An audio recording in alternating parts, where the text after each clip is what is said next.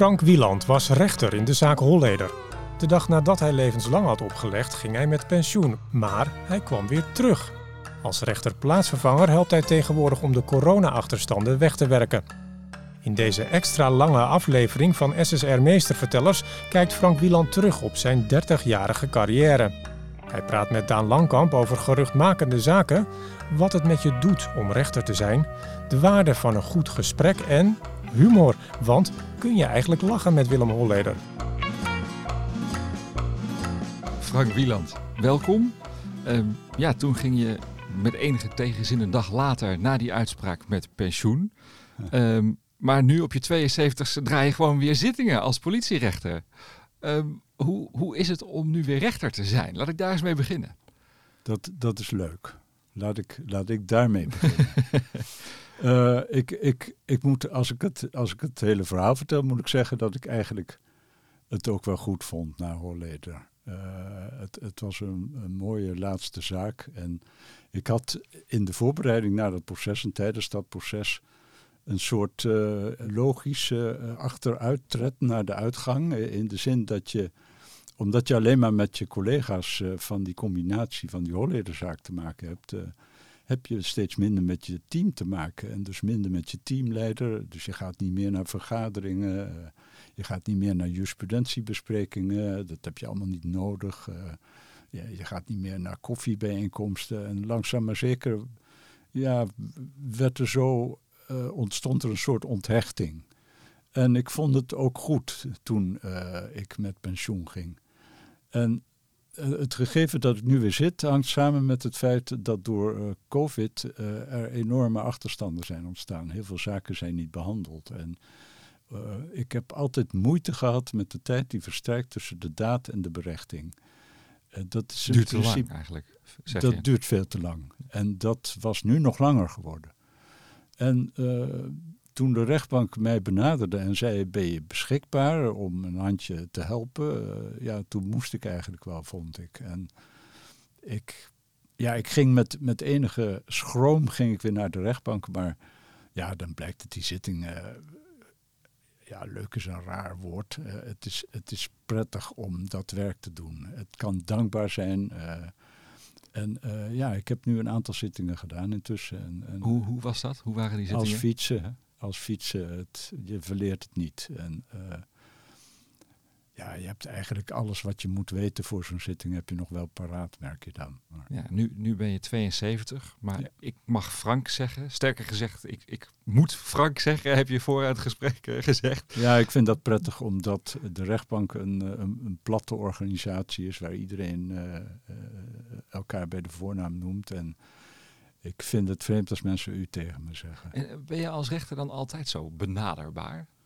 Ja, dat, ik vind wel dat je dat moet zijn. Uh, en en uh, ja, dat is misschien ook wel een beetje mijn, uh, mijn manier van werken geworden. mijn insteek is behandel de ander zoals je zelf behandeld wilt worden. en dat betekent dat je moet proberen om op hetzelfde niveau terecht te komen als met je gesprekspartner. En wat, ja, ik zeg dan wel eens wat ik het mooiste vind als je in zo'n zittingszaal met al die mensen uh, een, een, cirkel of een ellips kunt trekken om jou en de verdachte. En alleen dat gesprek van die twee personen nog geldt. Als dat goed loopt, dan heeft iedereen een goede dag gehad. Ja, dat kan ik me goed voorstellen. En een belangrijke zaak die je gedaan hebt is natuurlijk de zaak Holleder. Daar gaan we, daar gaan we het straks uh, uh, zeker over hebben. Um, maar je hebt nog veel meer zaken gedaan. Weet je eigenlijk nog hoeveel zaken je in totaal gedaan hebt? Nee, ik heb geen idee. Nee, ik, uh, soms... Bij benadering? Nee, ik heb geen idee. Wat zijn nou de, de leukste zaken?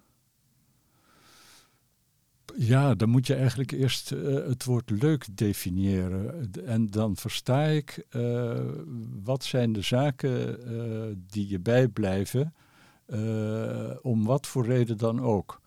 En, en dan zou ik eerst de zaken willen noemen uh, waarin iets speelt waar je wat mee kunt. Uh, waarmee je iemand uit de ellende kunt trekken. of waarvan je kunt zeggen, nou ja, het, het is een heel naar feit waarvan deze verdachte wordt beschuldigd, maar hij gaf zich op de zitting en we hadden een goed gesprek. En als je dat kunt zeggen, dan weet je dat je beslissing, ook als dat een, een uh, onvoorwaardelijke gevangenisstraf is, geaccepteerd wordt. Uh, dat zijn de zaken die dankbaar zijn. Dus de, de zaken samenvattend waarvan je kunt zeggen, ik heb daarvan een gevoel over gehouden dat dat een goede uh, behandeling was. En een goede behandeling is een goede beslissing. Dat zijn de zaken die je bijblijven. Eigenlijk uh, waarbij je het bijna met elkaar eens bent. Misschien ja, min of meer. Uh, ja, ik denk niet dat een verdachte blij is met een veroordeling. zeker als het een vrijheidsstraf is. Ik denk dat slachtoffers zich ook vaak tekort gedaan weten. maar ja, dat kun je eigenlijk wel zeggen. Ja. Um, welke, welke is je altijd bijgebleven? Wat, wat, is, het, e-, wat is de eerste zaak die, die in je opkomt? Nou, de eerste zaak die in me opkomt is nog steeds elke dag Holleder. Maar als ik, als ik verder terugblader, dan de, de tweede keer dat ik levenslang uh, heb opgelegd, samen met mijn collega's, uh, dat moet ik er wel bij zeggen, was een hele bizarre zaak van een, uh, een jonge Dominicaan die twee leeftijdsgenoten die hij naar Nederland had gehaald, had uh, vermoord uh, met een uh, injectie van een stof die wordt gebruikt in de, in de anesthesiologie.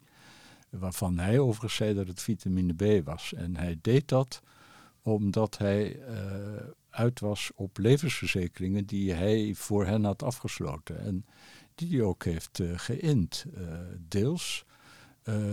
en, en bij de behandeling van die strafzaak bleek dat hij ook zelf dood was verklaard.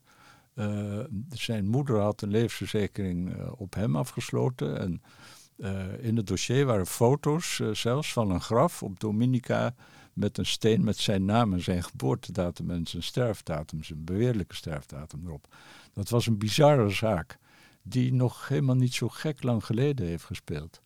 Maar ja, er zijn ook andere zaken die bijblijven. Ik, ik, ik moest vanmorgen nog denken aan, aan een, een doofstomme jonge man die uh, betrokken was geweest bij een mishandeling. Uh, hij werd daarvoor vervolgd. we moesten de zaak aanhouden aanvankelijk omdat het heel moeilijk was om met hem te communiceren. En waarom was dat? hij had eigenlijk nooit goed gebarentaal geleerd. En dat was omdat in het gezin waarin hij geboren was een oudere zuster was die ook doofstom was. En de ouders hadden al hun geld en energie in die zuster gestoken. En ja, hij had daarbij uh, uiteindelijk aan het kortste eind getrokken. Hij was min of meer verwaarloosd. En ja, deze jongen was, uh, was duidelijk dood eenzaam. En, en als je dan betrokken raakt bij een geweldsincident, ja, ja, dat is natuurlijk wel een interessant gegeven. Als ja. je weet wie de persoon is van de verdachte. Wat, wat doet dat dan met jou als mens? Want je hebt dan zo'n jongen tegenover ik, waarvan je nu ja, al weet, dat die is dood eenzaam. Ja, grappig dat je dat vraagt. De, de, eerste keer dat ik hem zag en wij probeerden te communiceren... Uh, en dat zo moeilijk bleek te zijn, greep mij dat zo aan... dat ik heb gezegd, ik wil niet op uh, de behandeling van de zaak zitten uiteindelijk. En toen die een paar maanden later diende, die zaak... toen heeft een andere combinatie dat afgedaan. Ik ben daar niet bij geweest. Waarom niet? Eh, om, nou ja, ten eerste wil ik natuurlijk niet die emotie voelen. Waarvan je af kunt vragen waarom ervaar je dat? Hè? Wat, wat, wat zit hier nou in deze situatie waardoor je geëmotioneerd raakt? Maar een ander uh, aspect is dat je je dat niet kunt permitteren op de zitting. Je, kan geen potje gaan zitten janken, dan ben je weg. En je moet ook geweldig oppassen, denk ik, dat je door je emotie niet uh, tot een beslissing komt die eigenlijk niet zuiver is.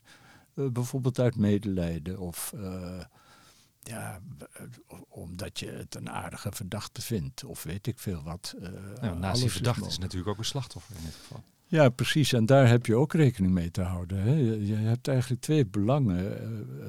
dat van de verdachte, maar ook dat van het slachtoffer. En ja, ik ben daar nooit zo blij mee overigens. Het is een beetje alsof je water en vuur in één hand moet houden. Ik vind dat heel lastig. Maar goed, het is inderdaad een gegeven. Het slachtoffer is een, is een hard gegeven op de zitting. Is dat dan hè, die, die emoties die je dan bij voelt en waar je op dat moment ook van zegt, ik ga deze zaak toch niet doen, um, komen die nog wel eens boven? Ja, dat is heel maf. Uh, je, je krijgt, uh, naarmate je meer uh, ervaren wordt, krijg je ja, ook een, een, dikkere huid, laat ik het zo zeggen. Maar soms is er ineens iets wat daar doorheen prikt. en dat is iets wat je ziet, iets wat je meemaakt, iets wat je leest in de krant of op de televisie, in een film zelfs kan ineens die vinger tussen je panzer zitten. En, uh, en uh, ja, dan, ja, dan voel je ineens die, dat ongemak van de herkenning van een situatie. En hoe is dat dan? Dat kan mij geweldig aangrijpen. Ik moet wel eens uitleggen waarom ik emotioneel reageer op een scène uit een film.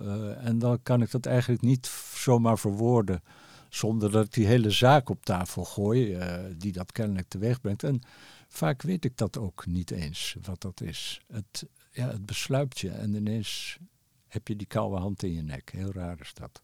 Maar, maar die emotie mag je dus niet laten meespelen in de rechtszaak. Nee, ik vind van niet. Eh, ik, ik heb daar over het algemeen ook weinig last van. En als je het hebt, dan lukt het eigenlijk altijd wel om achteruit te stappen de, de emotie is iets die plaatsvindt op de zitting. Ik heb het bij de zaakhoorleder ook wel ervaren.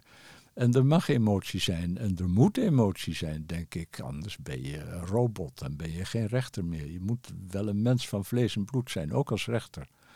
Maar je moet daarna, als je verder komt en je gaat bij elkaar zitten met je collega's en je moet een beslissing nemen, moet je achteruit gestapt zijn en zeggen: Oké, nou ja, dat was even een moment. Maar nu, wat vinden we ervan? Hè? Dus letterlijk afstand te nemen. En ja, dat is dan ook weer iets wat je in je professionaliteit leert. eigenlijk gaat dat vanzelf, als het goed is. En als je dat gevoel niet hebt, ja, dan moet je eigenlijk voordat je zo'n zaak begint al uh, zeggen, ik doe het niet. De eerste keer dat ik dat tegenkwam was bij een, een jong meisje. Dat was uh, aangevallen door een hond. Dat meisje had het leven gelaten. Ik was met de officier bij de sectie, dus het onderzoek door een patholoog, die keek waardoor het meisje nou precies om het leven was gekomen. En die officier die zei toen, ik ga deze zaak niet doen. En toen zei ik, waarom niet? En toen zei hij, ik heb kinderen van die leeftijd. En toen dacht ik, oh wauw, dat is wel heel erg integer als je dat nu al weet. En waarschijnlijk was het ook omdat ja, dat, dat samen zijn op het ziekenhuis met dat dode meisje uh, een diepe indruk op hem maakte. Ja. Is het dan ook lastig zodra je een, een uitspraak gedaan hebt? Hè? Want je, je ziet dan ook vaak een emotie van een verdachte. Um, als iemand uh, berecht wordt, de, uiteindelijk de dader. Als, als, iemand straf krijgt. Da daar, daar moet je als rechter ook mee omgaan. Ja, nou, nou valt dat vaak mee, omdat de meeste verdachten een uitspraak onbewogen aanhoren. Uh, waarom dat is, weet ik niet. Misschien omdat ze het verwachten. Uh, misschien dat, omdat een advocaat heeft gezegd van nou, je moet ongeveer op deze bandbreedte rekenen wat betreft de sanctie die de strafrechter oplegt de, de, ene keer waar ik wel eens over vertel uh, dat het me pakte, was de eerste keer dat ik levenslang uitsprak. Dat was op Curaçao. daar doe je de zaak in eerste aandacht in je eentje. En daar was een Colombiaanse verdachte die drie landgenoten door het hoofd had geschoten terwijl ze vastgebonden waren. En de officier van justitie vroeg daar levenslang. En ik dacht, ja, wat moet je nog meer doen om dat te krijgen? En ik sprak die straf uit en eh, zag de reactie van de verdachte daarop. Eh, en ik schrok daar zo van ehm, dat ik eh, daarna een paar moeilijke momenten heb gehad. Want die, die barstte in huilen uit? Of? Nee, niet eens. Nee, hij, hij liet zijn hoofd vallen. hij sloeg zijn ogen neer en liet zijn hoofd vallen. alsof ja, alsof het hiermee ophield. En ik heb er lang is over misschien ook wel zo voor diegene natuurlijk. Ja, nou, dat kan me voorstellen. Als je dan ook nog weet dat, dat hij ook begin twintig was. En, en dus eigenlijk aan het begin van zijn leven stond. En ja, iets had gedaan wat, wat vreselijk onherroepelijk was. Uh, ik, ik, heb me vaak afgevraagd in de jaren daarna wat dat was, waarom ik daar zo moeite mee had. En ik denk dat als hij zijn middelvinger op had gestoken, dat ik had gedacht, ja, dat is de straf die je verdiend hebt. Maar door deze reactie was het ineens persoonlijk. Ik had een machtswoord uitgesproken en ik had zijn toekomst naar de, naar de Filistijnen geholpen. Anders kon het niet zijn op dat moment. Maar als, als rechter is dat toch je werk? Je, je oordeelt over, andere, ja, over de daden van andere mensen. Nou ja, daarom was ik ook niet weggelopen van deze beslissing. Uh, omdat uh, ja, je kunt zeggen, ja, wat, je, je, moet je werk doen. Hè? De samenleving die verwacht dat van je.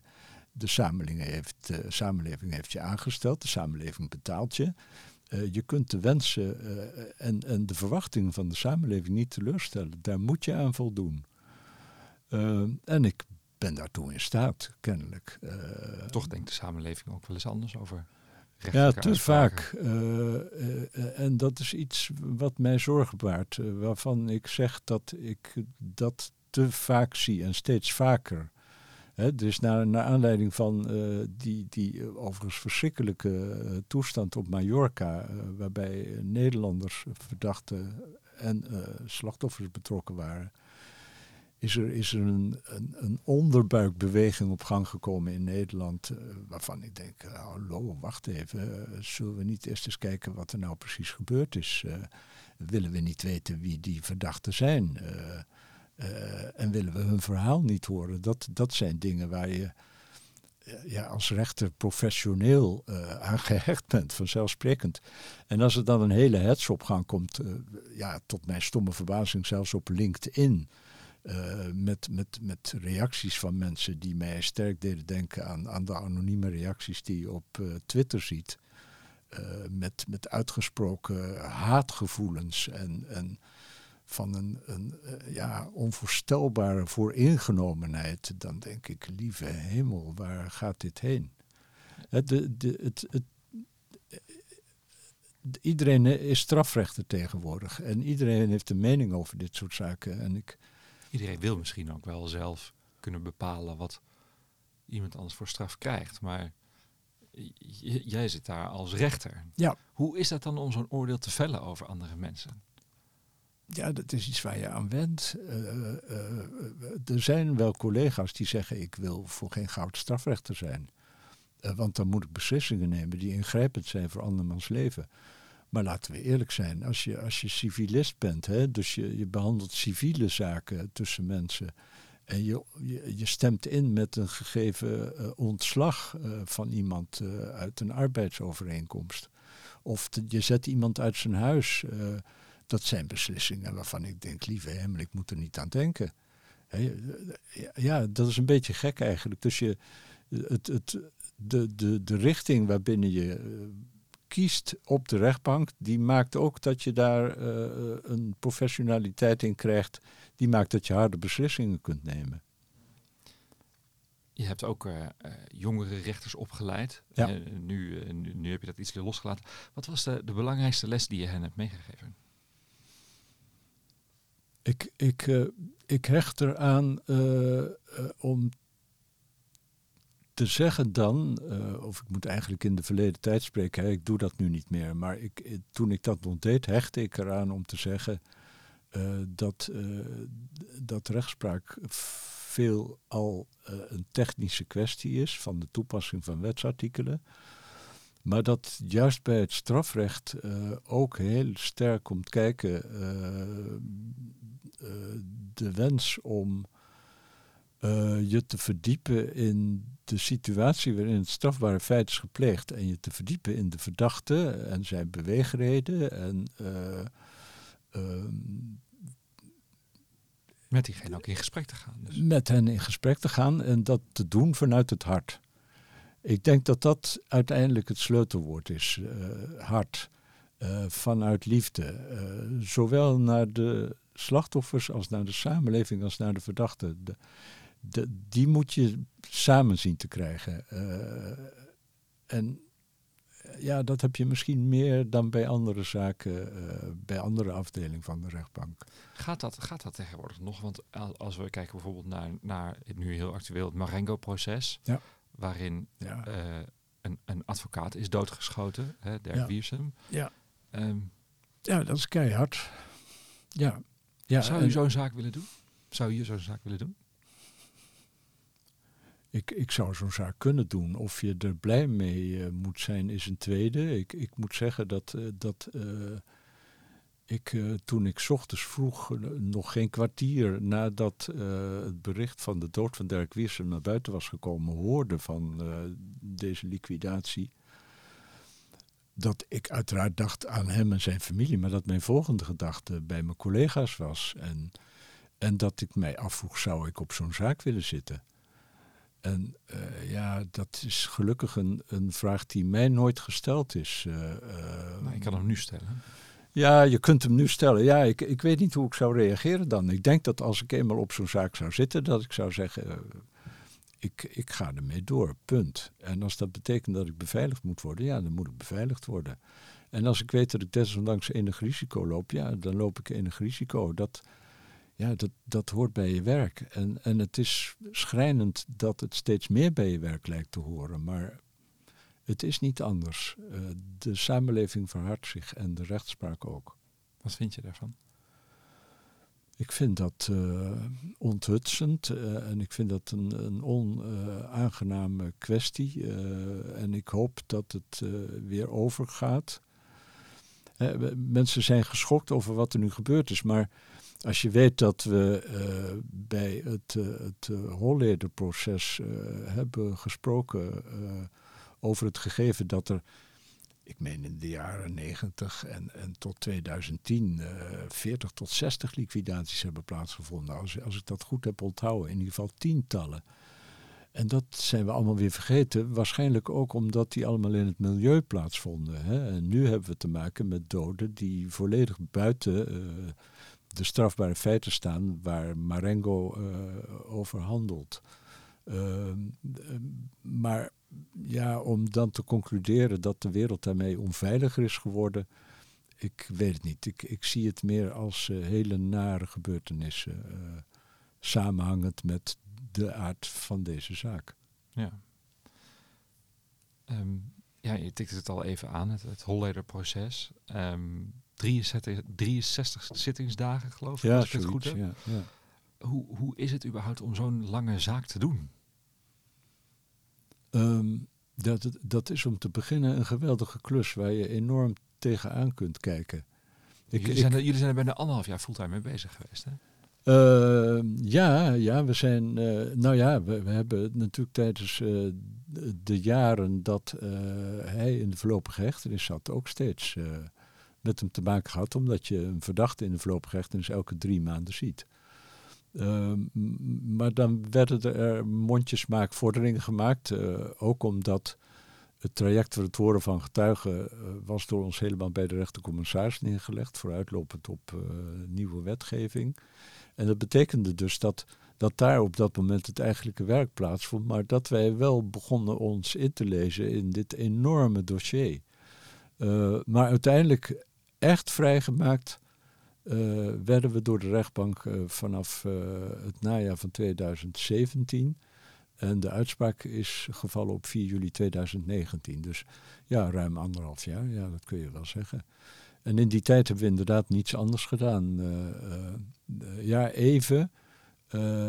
Ja, dat is wel grappig, omdat toen de officieren gerequireerd hadden en de advocaten, de verdedigers, zeiden: We willen nadenken over ons pleidooi, daar willen we een aantal weken voor hebben. Toen hebben wij, om te voorkomen dat iemand zou zeggen: Ze zijn al bezig met het vonnis, hebben we meegedraaid, gewoon in het rooster van de rechtbank. En deden we dus weer even andere zittingen. En ik vond dat een, een, een hele goede beslissing. Uh, waarvan ik niet weet of, of überhaupt iemand dat is opgevallen. Maar, maar we hebben dat gedaan. Dus dat is de enige onderbreking geweest. En, en, en verder ja, was het eindeloos leeswerk. En, en uh, in een weerbarstig dossier. Waarbij ook steeds oudere dossiers uh, op de stapel kwamen. Omdat de advocaten zeiden, ja we willen voor een goed beeld van deze zaken willen we eigenlijk ook dat onderzoek hebben en dat onderzoek. En die onderzoeken werden door het Openbaar Ministerie aan harte gaan en verschaft. wat ik goed vond, moet ik zeggen, en nog steeds goed vind. Maar wat met zich bracht dat wij die dossiers ook moesten gaan lezen. En, en eh, meer werk kregen en meer werk kregen. En meer werk kregen. en uh, ja, ik durf niet te zeggen hoeveel bladzijden er uiteindelijk door onze vingers zijn gegaan. Uh, ja, als je een digitaal dossier hebt, en dit dossier was uiteraard gedigitaliseerd, dan ga je ook anders te werk. Hè. Je, je, je, bladert niet meer door een dossier, maar je zoekt heel specifiek met zoekopdrachten. En ja, dat, was een mooi systeem. Uh, dat, dat, hadden ze ingebouwd. En ja, het was mooi in die zin dat je, je kon bijvoorbeeld zoeken op Holleder en, en Zwarte Auto. En dan kon je zelf zeggen uh, hoeveel bladzijden daar maximaal tussen mochten zitten. En, en dan kreeg je dus een reactie uit het systeem. En dat maakte dat het dossier uh, goed toegankelijk was. En, en dan krijg je dus steeds al die dossiers erbij en, en, en de zaak wordt groter en groter. En er is natuurlijk ook een heleboel media-aandacht. Ja. Uh, ook een heleboel dingen die, die via de media naar buiten komen, hè, tapes bijvoorbeeld. Ja. Hoe, hoe ga je daarmee om als rechter? Ja, je moet natuurlijk een, een oordeel vellen aan de hand van het dossier. Ja, ja ik, nou, ik, ik, ik kende dat wel, die, uh, die reacties uit de samenleving. Uh, de, ja, je, hebt het, je hebt het wel vaker, uh, dat kranten schrijven over iets. En, en ja, je zit de strafrechter natuurlijk altijd vrij dicht op de actualiteit. Hè? De, de strafzaken, zeker strafzaken die de kranten halen, die, die worden meestal binnen een jaar behandeld. en... en ja, de ophef rond een persoon had ik al eens eerder meegemaakt. Uh, de laatste keer bij Badr Hari. Uh, de, die zaak uh, heb ik ook gedaan met twee collega's. en nu bij Holleder was er zelfs een opmaat naar, ja, naar nogal stellige meningen in de samenleving. ook omdat er door de zusters Holleder een aantal interviews waren gegeven. En uh, het was ook een tijdje zo dat je op, op radio en tv uh, bandopnames kon horen die uh, de zuster van Willem Holleder, Astrid, had gemaakt. eentje onder meer staat me bij waarin hij zijn andere zuster Sonja verrot scheldt. En dat is geen prettige man die je daar hoort. En ja, dat de samenleving het dan een, een, psychopaat en een geweldige crimineel vindt, ja, daar kan ik wel een beetje in komen ik, ik heb mij wel afgevraagd destijds, toen de samenleving zo stelling had genomen, of wij als rechters dat bij elkaar konden krijgen. Omdat ik wist dat Holleder een tijd buiten schot was gebleven, gewoon bij gebrek aan bewijs. en, en ja, eigenlijk weet je pas of dat bewijs er is als je zo'n zaak behandeld hebt. Hè? En als je het van alle kanten bekeken hebt. Maar in het begin vond ik dat wel zorgelijk. Dat ik dacht, ja, hij is al veroordeeld. Eh, maar stel dat wij tot een vrijspraak komen. Uh, hoe leggen we dat uit? Door, door, door de hij is veroordeeld door de samenleving. Maar als, als de rechtbank tot een vrijspraak komt, of voor een aantal zaken tot een vrijspraak komt, dan moeten we dat verdomde goed uitleggen. En dat kan heel lastig zijn. Ja, want je kent Holleder natuurlijk ook op een andere manier, gewoon uit de zittingszaal. Ja. hij was een pratende verdachte. Ja, ging met hem in gesprek. Ja, dat was aangenaam, moet ik zeggen. Uh, alleen al het feit dat, dat je met een verdachte in gesprek komt, is aangenaam. Dat, dat is toch iets wat, ja, wat steeds minder voorkomt. Hè? Veel verdachten beroepen zich op hun zwijgrecht of zijn uiterst terughoudend uh, in hun reactie op vragen. Maar hij wilde praten en... Uh, er zijn wel uh, opmerkingen gemaakt, ook vanuit de media, dat Hoorleder en de voorzitter van de rechtbank, en, en dat was ik, het naar het leek goed met elkaar konden vinden. En misschien was dat ook wel zo, ja. Hoorleder is een man... Kon je het goed vinden? Nou ja, in zoverre dat als je, als je één kant van een persoon ziet. Uh, ik ben niet zijn zuster Sonja die die, eh, die, die scheldt. Maar er is dus een vorm van beleefdheid tegenover de rechtbank. En als hij dan zijn beste beentje voortzet, voorzet en probeert om uit te leggen hoe hij vindt dat het zit. En daar, wanneer dat van pas komt, een grap over maakt, een echte Jordaanese Amsterdamse grap, ja, dan lach ik daarom.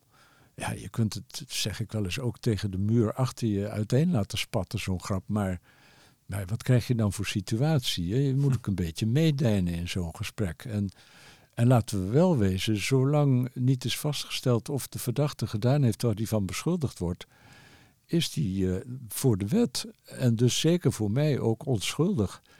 En ja, er is wel gezegd door één journalist bijvoorbeeld, ja, die voorzitter zit nu grapjes met hem te maken en straks moet hij hem levenslang opleggen. En dan denk ik, ja, en dan doe ik dat ook. Even goede vrienden. Het is een beetje raar om dat te zeggen, even goede vrienden, maar, maar ja, als dat de consequentie is van het goede gesprek wat we hebben gehad, dan hoop ik dat, dat Holleder op zijn minst zal zeggen, we hebben in ieder geval een goed gesprek gehad. Toch kreeg je, wel, kreeg je wel een sneer achteraf. Hij voelde zich bedrogen. Ja, en ik heb toen ook in, in een enkel interview gezegd, ja, ben ik dat? En uiteindelijk heb ik gedacht, ja, nee, dat kan eigenlijk niet. Ik denk eerder dat hij zijn zusters heeft bedoeld. Ik, ik zou het hem moeten vragen. Maar, en als hij zich door mij bedrogen voelt, ja, dan begrijp ik dat niet. Omdat het, het echt geen oude jongens krentenbrood was. Uh, je, je, je, je, kan in je gesprek uh, kan je, uh, een grapje veroorloven. dat deed hij en dat deed ik soms ook. of je maakt een relativerende opmerking. En je zit er tenslotte toch anderhalf jaar met elkaar op zitting ook. Ja, dat, dat is wat we noemen contactgroei. Maar uiteindelijk moet je de balans opmaken. En, en als dat betekent dat je dan tot een beslissing komt die wellicht niet aangenaam is, ja, dan moet je niet zeggen ik voel me bedrogen. Nee, dan moet je zeggen we hebben in ieder geval een goed gesprek gehad en, en de uitkomst valt mij erg tegen. Dat kun je zeggen. Dan zeg ik ja, oké, dat begrijp ik. Heb je dan ooit als rechter nog een keer contact met zo iemand? Of via, misschien via zijn advocaat? Nee, nee, met hem niet. Uh, uh, nee, met zijn advocaat eigenlijk ook niet meer. Hè. Je, je houdt dat uh, ook af, omdat er een hoger beroep dient. Wat ik, wat ik wel met enige regelmaat heb, is dat mensen mij aanspreken op straat en me herkennen. daarom spreken ze me aan. En dan zeggen, ja, u heeft mij veroordeeld. En, en uh, ja, dan doe ik altijd eerst een stap achteruit. En, en dan is mijn vraag, viel het mee? En ja, soms zeggen ze ja. En andere keren zeggen ze, nou nee. er was een man die zei, nee, u heeft mij anderhalf jaar opgelegd voor een verkrachting die ik niet gepleegd had. En toen zei ik, bent u in hoger beroep gegaan? Nee, dat had hij niet gedaan, had hij geen zin meer in. Ja, dan denk ik, ja, nou, ja wat moet ik daarvan zeggen? Nou, nou, uiteindelijk hebben we staan praten. Hij vroeg mij of ik, of ik in de kerk kwam waar hij kwam. En uh, het werd een heel geanimeerd gesprek.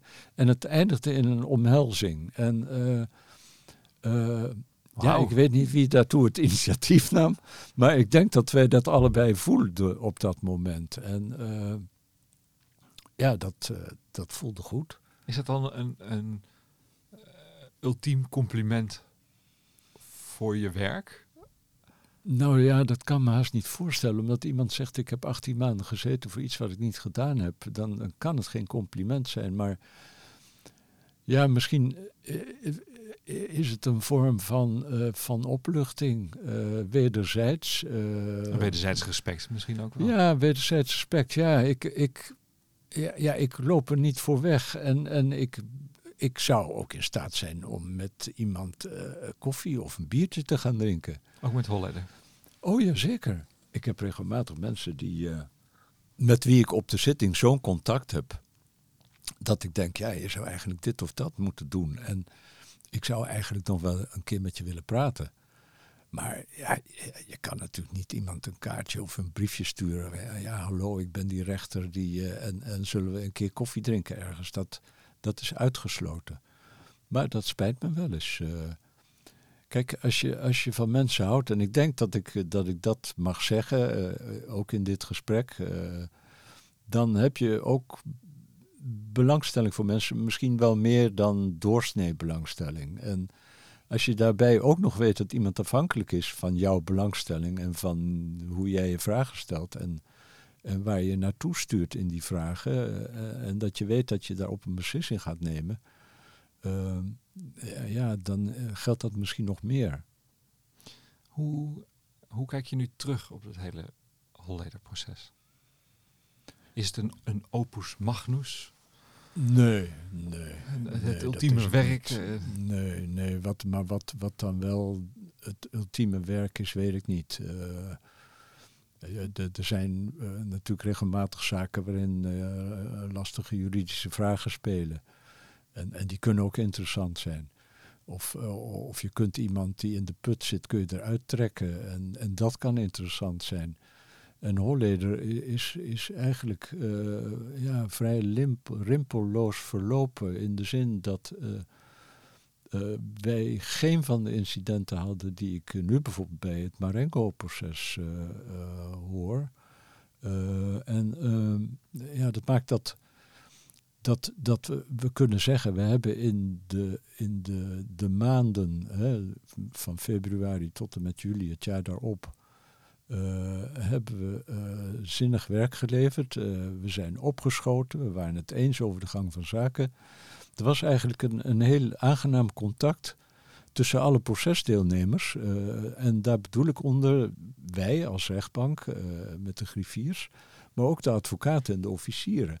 En dat eh, leidde er zelfs toe dat ik eh, eh, op een gegeven moment zei over een aspect, dat was jurisprudentie die van de Hoge Raad moest komen over de kroongetuigen, dat ik van dat aspect dat wij op die uitspraak zaten te wachten, op de zitting heb gezegd, ze kunnen het ons heel lastig maken of heel makkelijk.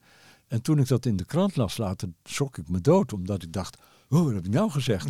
maar toen begreep ik dat ik eh, met dat wij eh, het geheel bedoelde van alle procesdeelnemers in dit proces. En die sfeer was ontstaan dat, ja, dat, we, dat we vanuit elke invalshoek, hè, dus van de verdediging, van het Openbaar Ministerie en vanuit de rechtbank, eh, het idee hadden dat we, dat we hier een, een, een, een keurig traject hadden gelopen, een vlekkeloos traject. En ja, dat, dat is aangenaam. En, en dat komt deels, denk ik, door de manier waarop eh, we de zaak hebben aangepakt vanaf het begin. Zijn jullie het dan, hè, want zo'n zo'n proces komt uiteindelijk eh, tot, een, tot een climax, eh, tot Ja. een uitspraak. Ja. Zijn jullie het nou eens met elkaar altijd als rechters in een meervoudige kamer? Nee, nee, nee, nee. Ja. De, de, het, eh, ja, dat is juist die verschillen van mening, die spelen vaak in de raadkamer. Hè? In een van de, ja, van de meest, eh, eh, hoe moet ik het zeggen, geheimzinnige, eh, althans door de samenleving als- als geheimzinnig ervaren aspecten van de rechtspraak.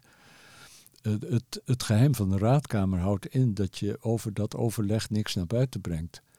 En dat je spreekt door je vonnis. En dat in dat vonnis, in ons systeem, sommige landen hebben een ander systeem. Dan heb je de dissenting opinion. Hè, dan kun je als een van de rechters zeggen van nou, ik vond het niet, want mijn eh, benadering is dat en dat. Maar je brengt eh, de uitspraak als eh, eenstemmig naar buiten.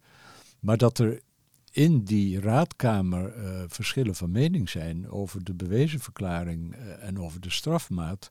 Ja, dat is een dagelijks gegeven. Eh, daar moet je elkaar in zien te vinden. Maar je, je, je, je bent- het dus niet altijd eens. Het komt voor. En, Ja, wat, en wat dan? ja dan hangt het er een beetje... een unaniem oordeel komen. Eh. Ja, dat kan. Eh, dat lukt ook meestal wel. De, meestal ga je praten met elkaar. van nou, wa- wa- wa- waar, zit dan je twijfel? Of, of bij de ander, waar zit dan je, je overtuiging? En, en vaak vind je elkaar eh, in het bewijs. eh, of, of, of, of ja, je wordt het eens van nou, als wij vijf feiten hebben en er is er één waarvan een rechter zegt van ja, dat, ik kan het niet door mijn keel krijgen. Nou, dan moet je misschien zeggen, nou oké, dan houden we er nog vier over. Dan strepen we er één weg, dan krijgt hij voor dat feit een vrijspraak.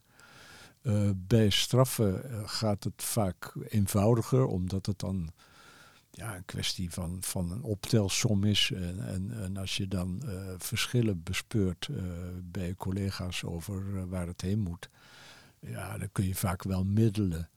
En als dat niet gaat? en als dat niet gaat, Nee, dus ja, dan, is het, nou, dan, is, dan het vaak twee tegen één. Ja. Ja.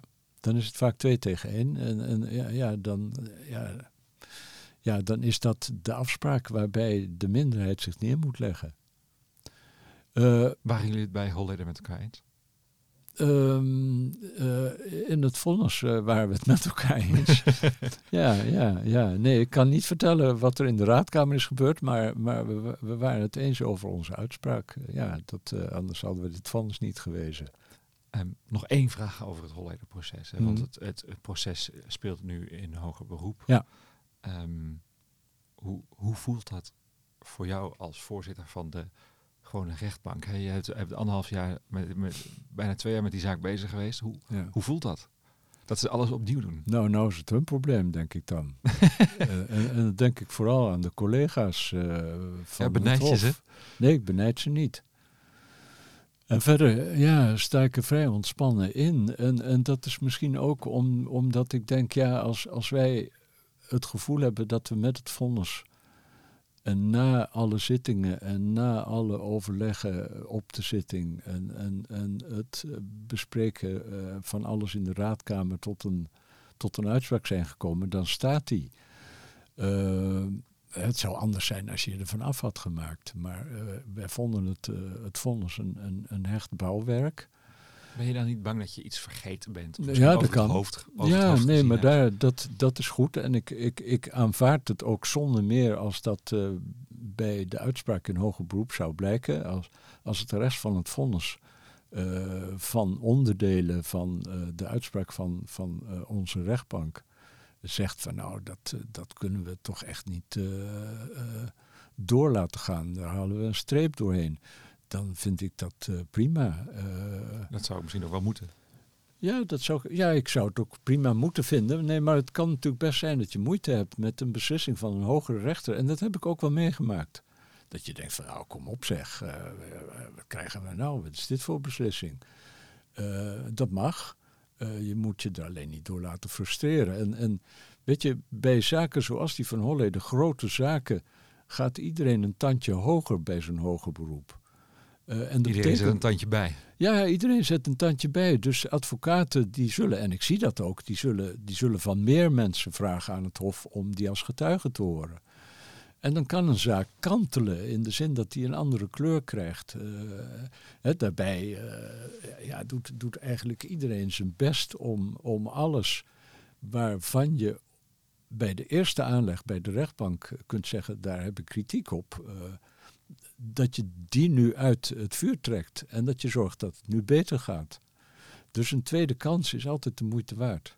Ja, niet bij alles, maar bij dit soort zaken kan het wel zijn verschil opleveren. En, en ik, uh, ik vind dat zonder meer uh, terecht. En ik, accepteer, ik accepteer dat uh, van harte. Ga je, ga je het proces volgen? Nee, nauwelijks. Ik, ja, misschien wel als, als er echt zittingsdagen aan één zijn straks, uh, maar ik ga er niet heen. Uh, daar heb ik ook geen enkele reden voor. Uh, tot nog toe werd ik steeds verrast, omdat ik dan in de krant lees dat er weer een getuige is. Oh, oh denk dat is weer een getuige gehoord. maar ja, ik, ik, kijk dan niet wanneer de volgende zittingsdag is. ik laat me daar niet over informeren. Dus als het, als het straks echt losgaat, in de zin van de, de echte inhoudelijke behandeling, hè, aan de hand van de telastenlegging, dan zal ik de kranten er met uh, belangstelling op naslaan, denk ik. Maar je gaat niet een keer langs? Nee, ik ga er niet heen. Je gaat de uitspraak wel lezen? Ja, omdat dat uiteindelijk uh, uh, ja, toch een beetje de, de, de, ja, de, de, de lakmoesproef is van jouw uitspraak. Ja. Dank, Frank Wieland. Dit was SSR Meestervertellers. Blijf op de hoogte en abonneer je op deze podcast. Graag tot de volgende keer.